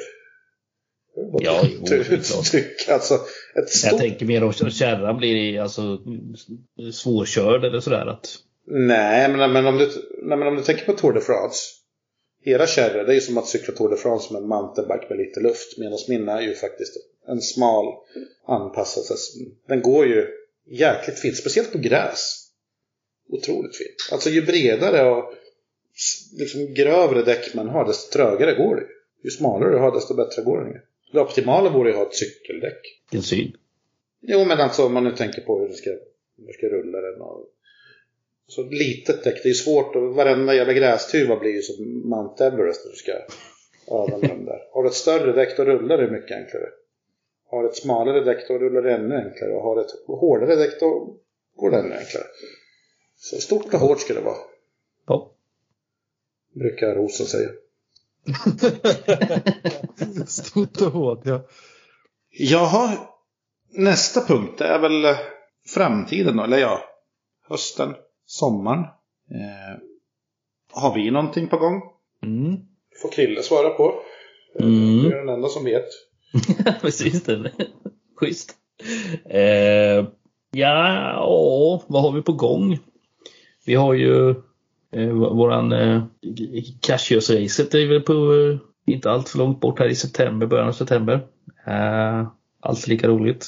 Din eh, vlogg måste vi prata om lite grann. För den har ju dels varit jävligt bra, dels gått jävligt bra. Ja, Jag, jag tycker att den är fantastiskt rolig att kolla på.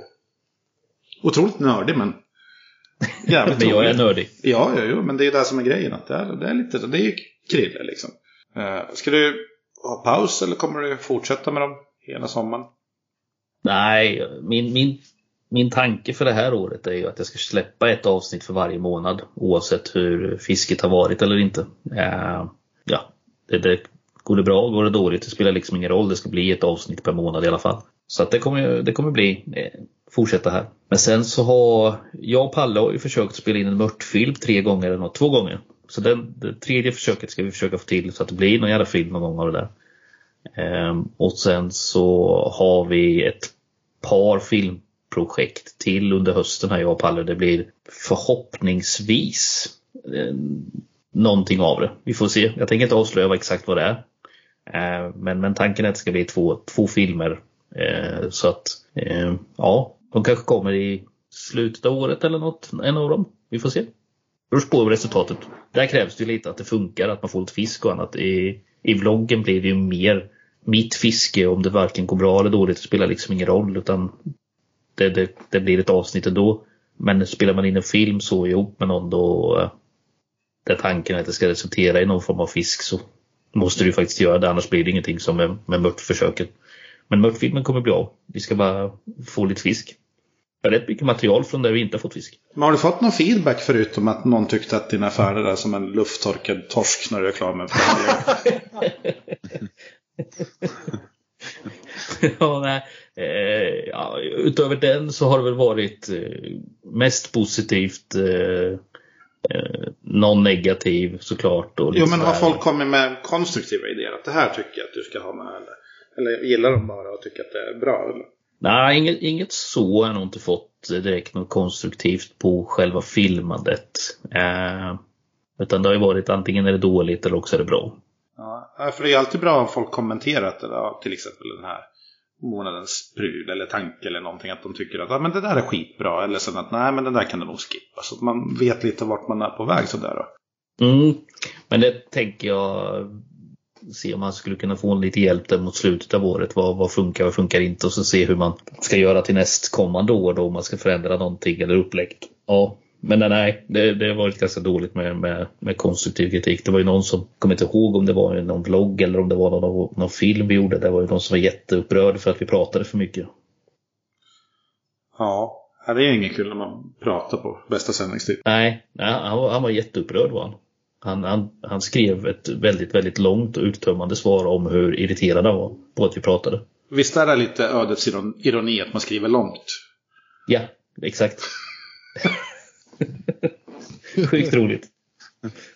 Jag skrev ju film, en filmidé till dig vid 00.08 i natt. Ja, Den, var Den, ju eh, eh, ganska bra. Det var en bra idé. Eh, Ja. Den har snurrat lite kring i huvudet idag faktiskt. Så, Ja, det, det har det gjort för mig också. Lova. eh, så, så den, den, den idén ska vi jobba vidare på. Mm, mm, Eh, vi, ska vi, jävla av, vi ska inte avslöja något nu för då blir det inget roligt. Men eh, Nej, nej, så är det ju. den eh, helt klart ett, ett arbetsprojekt som kan ta lite tid. Ja, så är det. Men det hade varit jävligt roligt att göra.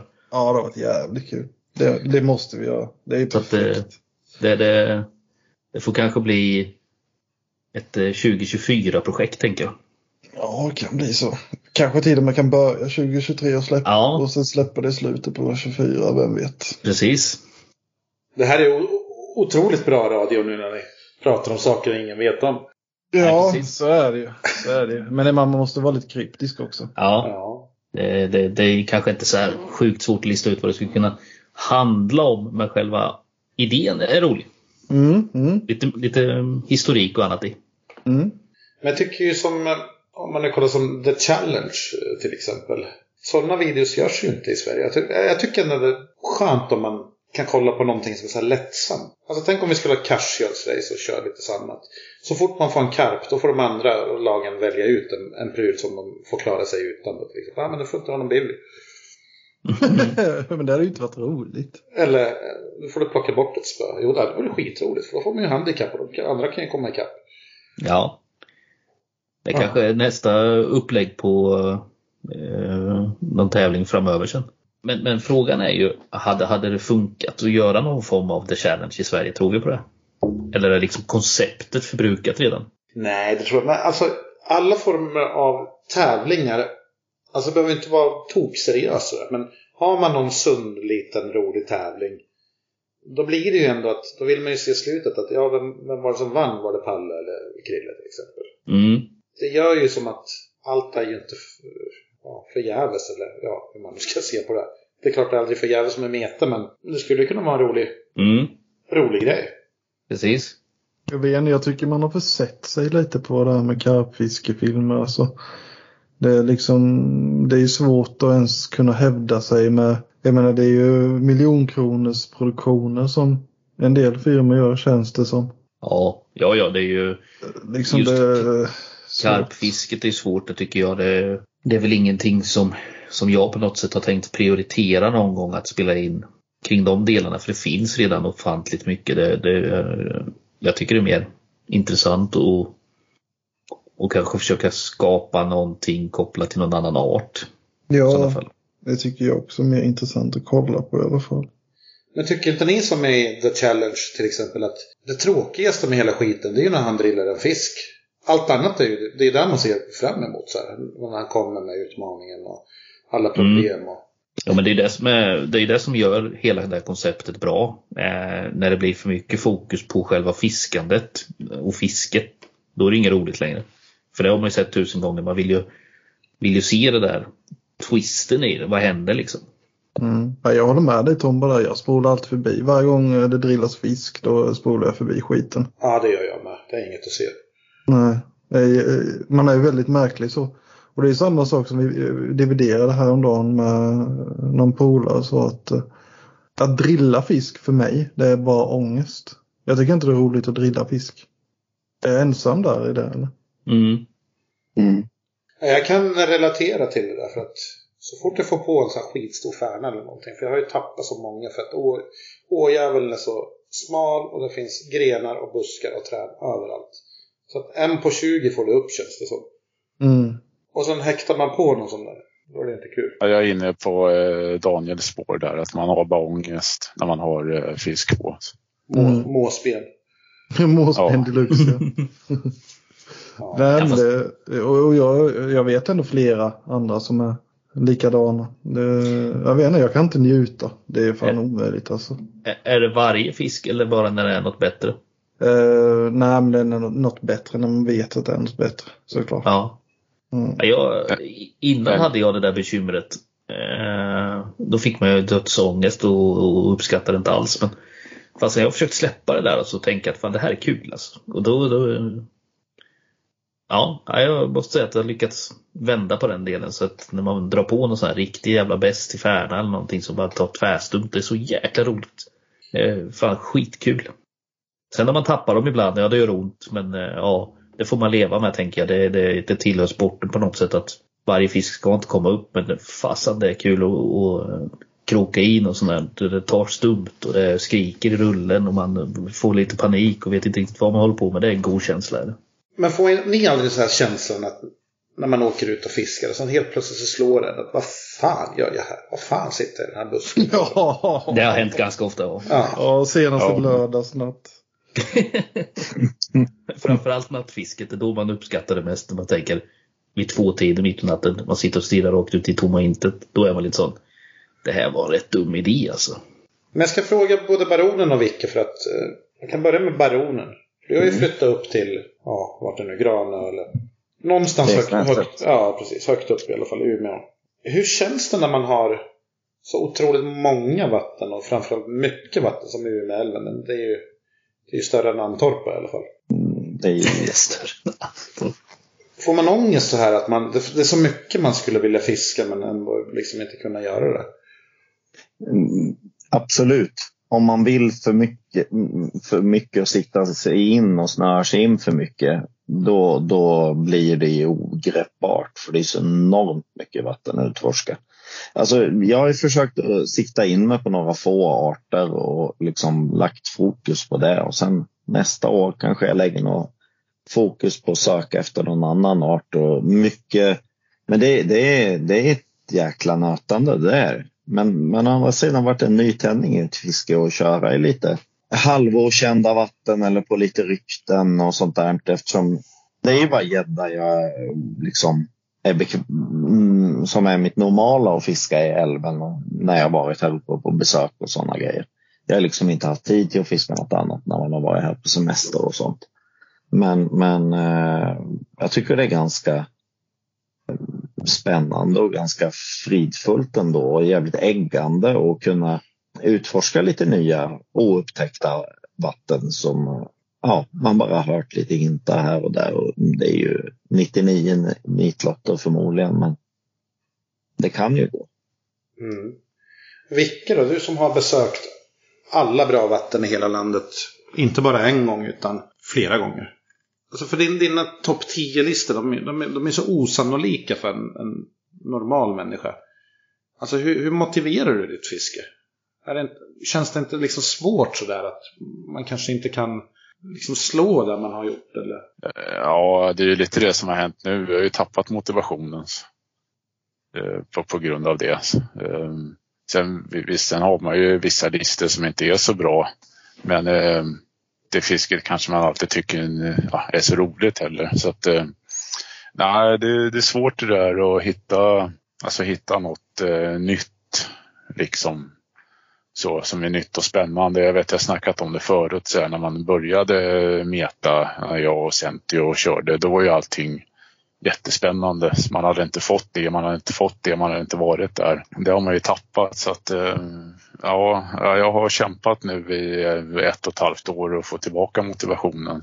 Men vad är det du vill? Eh, är det liksom storfisk eller försöker du motivera dig att det kanske kan vara roligt att fiska lite mindre fiske på nya ställen eller? Eh, nej men, eh, ja, men hitta tillbaka till eh, att det är kul. Det är det.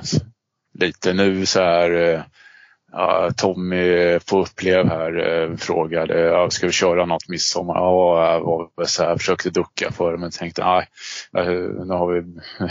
Ja, ja, det är bra att man, eh, ändå skönt att man har någon som drar lite igen. Eh, så nu när Centio stack så ja, har man ingen som drar i en sådär. Nu lät det illa så att Centio stack. det, är så, det är så han känner. Det var ju faktiskt här och, och fiskade på och hade lite nytändning efter du var här. Ja, ja absolut. Jag vill eh, tillbaka. Ehm, mm.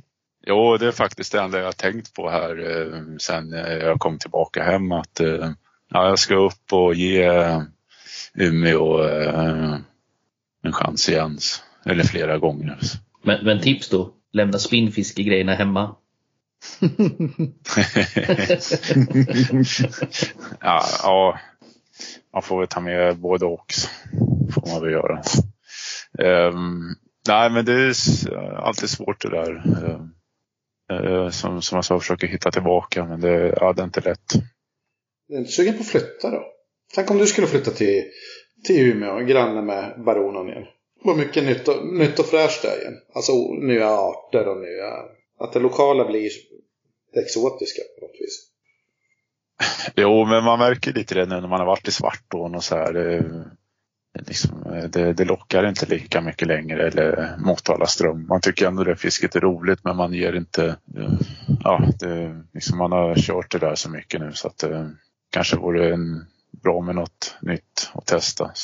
Det var så jag kände på slutet när vi eh, Alltså, jag var ganska mätt på det fisket. Det var liksom man gick i samma fotspår, man gick de där turerna som man har gjort år efter år efter år. Det här var, det här var ett jättelyft. Jag var livrädd egentligen när jag flyttade upp. jag tänkte att fan, jag kommer aldrig få meta mer. Men eh, det har ju visat sig bli tvärtom. Jag metar ju mer, nästan mer än vad jag har gjort innan och kommer ju fortsätta att göra det. Det är lite kortare säsong. Det är jävligt häftigt att ha nya vatten och jaga på för man blir lite tvingad till det också. Och då... Ja, men liksom nya utmaningar. Eh, mm. Jag gett mig fan på att jag ska, ha en, jag ska ha en brax över tre kilo i, i närområdet. Det är liksom ett av mina sommarmål. Vi skulle prata lite mer om det sen. Men eh, bara en sån grej är jäkligt taggande, tycker jag.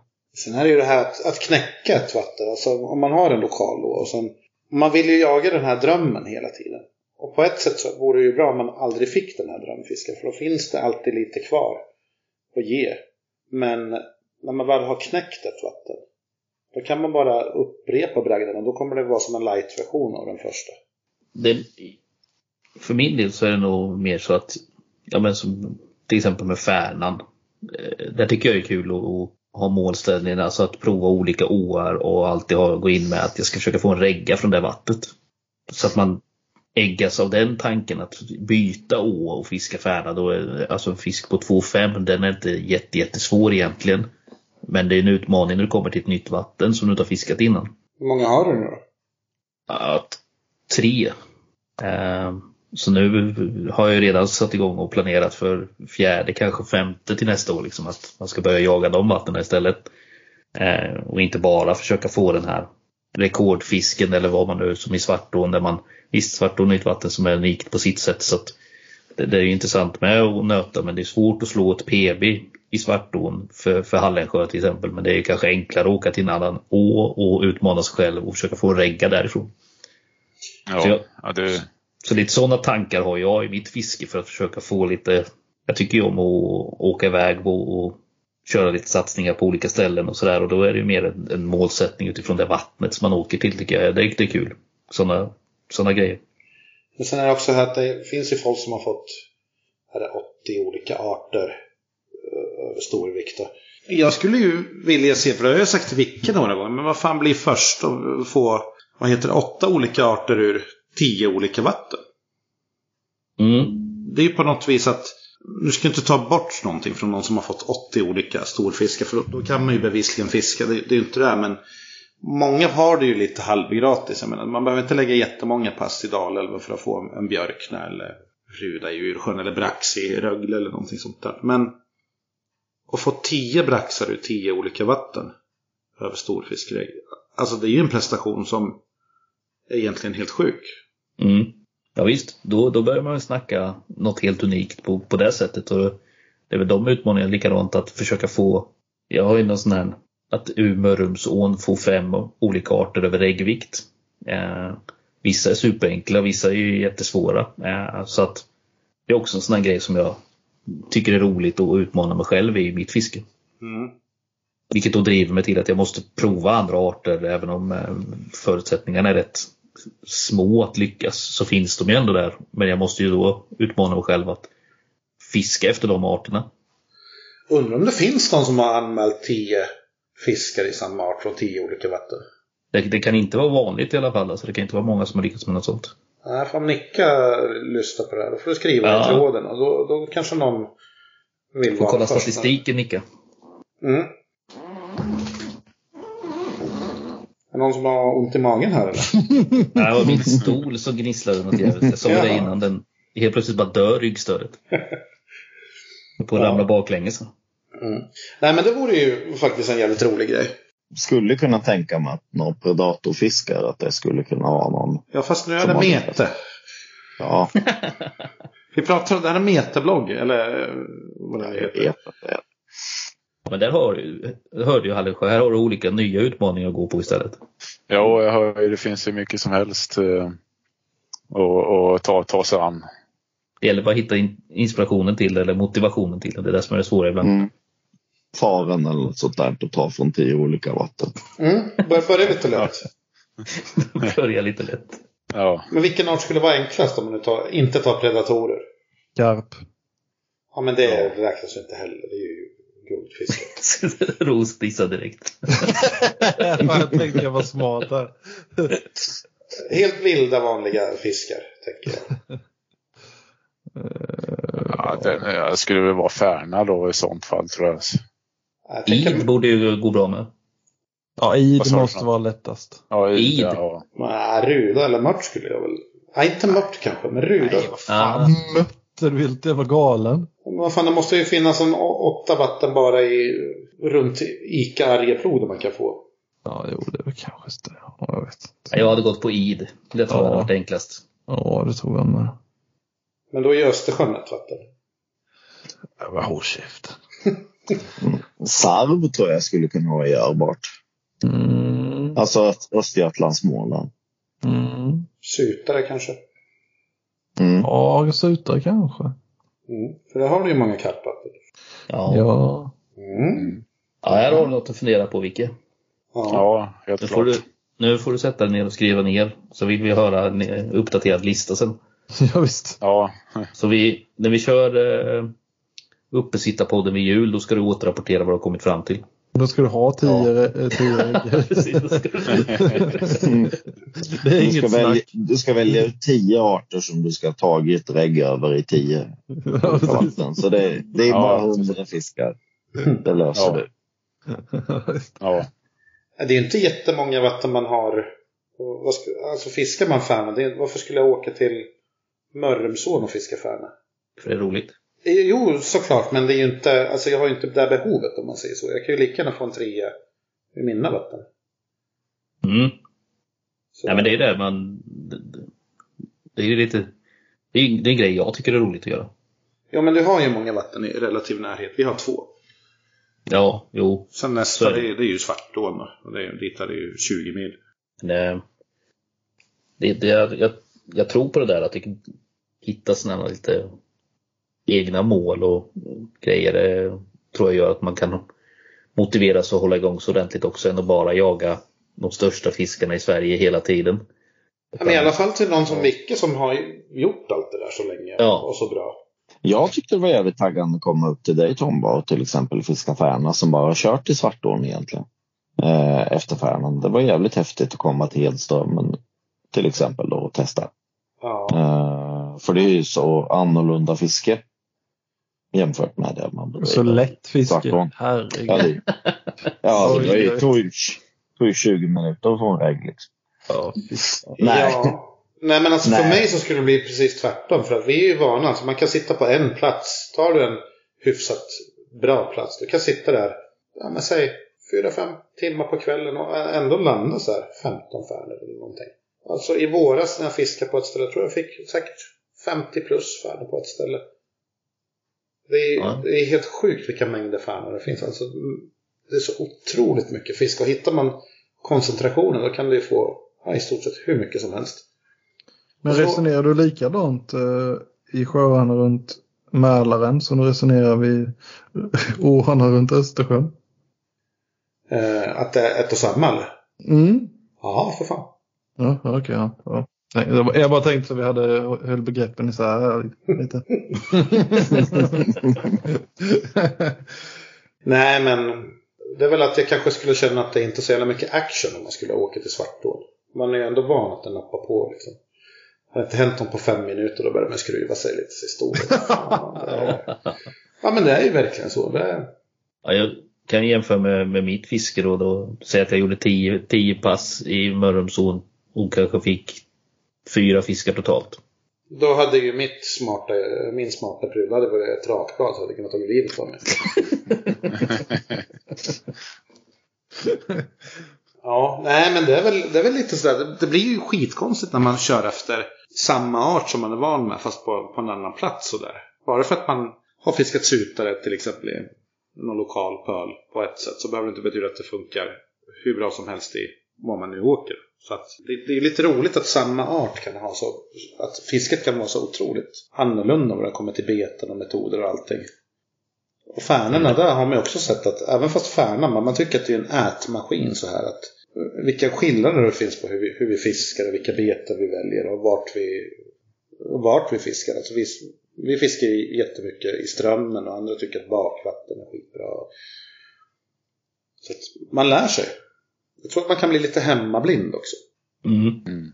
Men det blir ju, det tror jag är det enklare liksom att man, när man har lärt sig ett sätt så fiskar man på det sättet och utmanar man sig inte så, så mycket heller. Åker man till olika vatten och som du säger då får man ju testa olika sätt, alltså olika beten eller vad man nu än är för någonting man väljer att göra eller fiska på olika sätt. Som de vatten jag har fiskat i idag har ju mäsk varit förödande. Liksom. Det, jag, jag mäskar i stort sett aldrig för att då får jag bara in massa annan fisk och inga färnor. Uh, Medan i andra vatten så är ju mäsk ett otroligt bra för att du får in färnorna och då får igång dem. Så att det, ja, man, man lär ju så länge man lever och testar man nya vatten så måste man utmana eller lista ut de delarna också. Så att, jag tycker det är roligt. Mm. Absolut. Ja, har vi något mer då? Någon som vill komma med någon smart tanke här? Kommer kom vi någonstans med framtidsplaner för resten av sommaren? Det finns inget. Nej. Men vi kan väl avsluta med det då att ja, ni, ni får dra eran eh, sommar slash tidig höst här nu då. Vad, vad, vad, har ni, vad har ni för mål eller tankar eller vad ni, tankarna kan ni lägga där en målsättning eller önskedröm. Vad har du för något Ros? Vad, vad tänker du göra? Mhm. Eh, närmast inpå är, eh, ja, för att svära i kyrkan lite, ska jag ut på Vättern. Fiska lite röding och sådär. Och efter det så ska jag en vecka och fiska karp. I ett nytt vatten som jag blev medlem i, i Blekinge. Faren ska ut och fiska lite på frivattnet på semestern. Det var en lång semester, låter det som. Eh, nej, inte så. Vi ska fan åka upp till lapphelvetet då. Du och Ja, jag. vi får, vi får ju se hur det blir med det. Eh, och ål ska fiska. Och sen, sen är den sommaren gången. Och eventuellt eh, lapphelvetet då. Det är väl mina planer. Mm. Tomba då? Alltså just nu så känns det bara att ta sig ut. Det är ju en, en seger. Men det blir väl lite ruda här. eh, Har jag tänkt. Och sen ska jag faktiskt göra ett riktigt försök på asp i höst. Försöka meta upp någon ja, 4 plus. Tänker jag. Där ska jag lägga tiden. Annars så är det väl eh, det gamla vanliga höll jag på att säga. Fiska lite lokalt och så har man så här casual race. Man åker ju till Mörrum. Det blir säkert någon resa till Dalälven. Och lite sånt där. Men ing, inga så här storslagna planer att jag ska knäcka någonting specifikt här. Baronen då? Ehm, ja, jag tar lite tidigare. Jag vill ha en... Jag har kollat ut några vatten på Brax. Det är väl det närmsta i tiden. Brax och en del abborre kommer jag väl fiska. Målet är ju över regg på abborre i alla fall om Brax över tre. Ehm, och sen är det väl id när de nu har ätit upp sig lite grann. Det är väl mina närmsta planer och det är ju inom närområdet. Jag tror inte att det blir några längre resor om inte det blir något besök från söderhelvetet upp hit.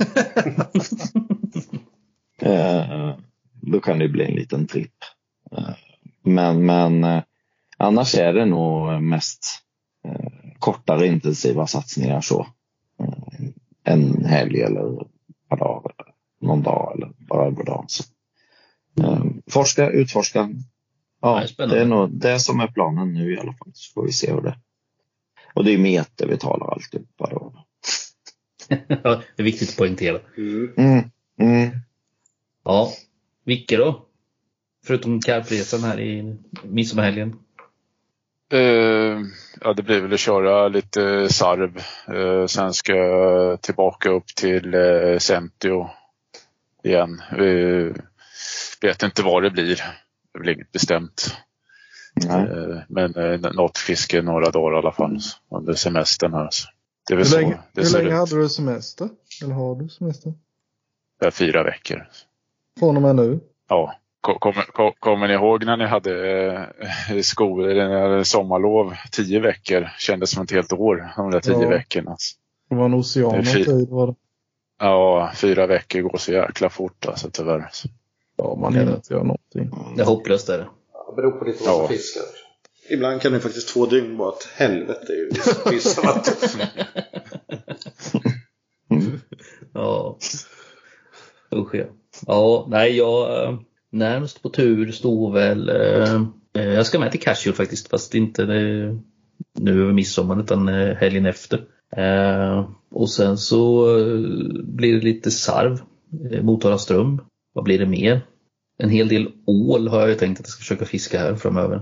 Sen till hösten, ja, i Mörrumsån har jag någonting eh, det, det finns någon, någon Casuals-racet har vi ju med. Vi får se. Närtiden är i alla fall lite, lite karp och lite sarv. Känns som att hela den här säsongen har varit lite off. Men det har inte varit någon sån toppenfiske. Än så länge för mig i alla fall. Det, Nej, det är väl enstaka toppfiskar som har kommit så här land och rike runt. Men det är ingen sån här, det är ingen sån pangår.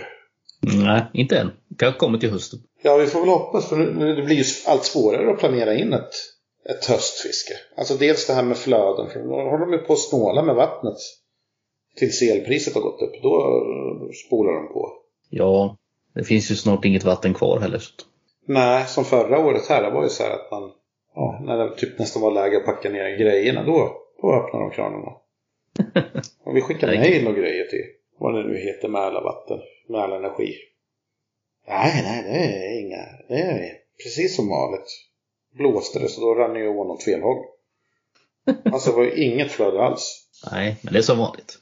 Nej men det är ju någonting som man har märkt de här två sista åren att det är ju inte som vanligt. Alltså man, det är ett jätteflöde tills en dag när det inte är något flöde alls. Ja, Man, man reglerar mer efter elpris än efter behov. det är tyvärr så. Pengar styr allt. Ja, nej men eh, är vi nöjda med det här?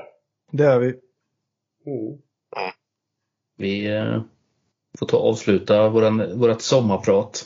Mm. Och eh, Så får vi se. Det blir väl en uppesittarpodd då till jul. Det blir det. Så, så ska Vicke få återrapportera då. Ja, precis. Ja, jag får göra det. Ja, nej, men rä- räkna ut i alla fall vilken, vilken art du har flest regger från olika vatten. Det vore kul att veta. Ja, men det kan jag kolla upp. Ja. Mina anteckningar. Jag, Ja. jag gissar på mört från fem olika vatten. Ja, det får vi se vid jul. Ja. Om, Ja. vi, le- om vi Ja. lever. Det är inte, Precis. det är inte Ja. säkert med de här vanorna. Nej. Ja, ni får det gött hörni. Så eh, Mm, samma. hörs vi. Ja. Hej. Hej. Tack och hej. Ja.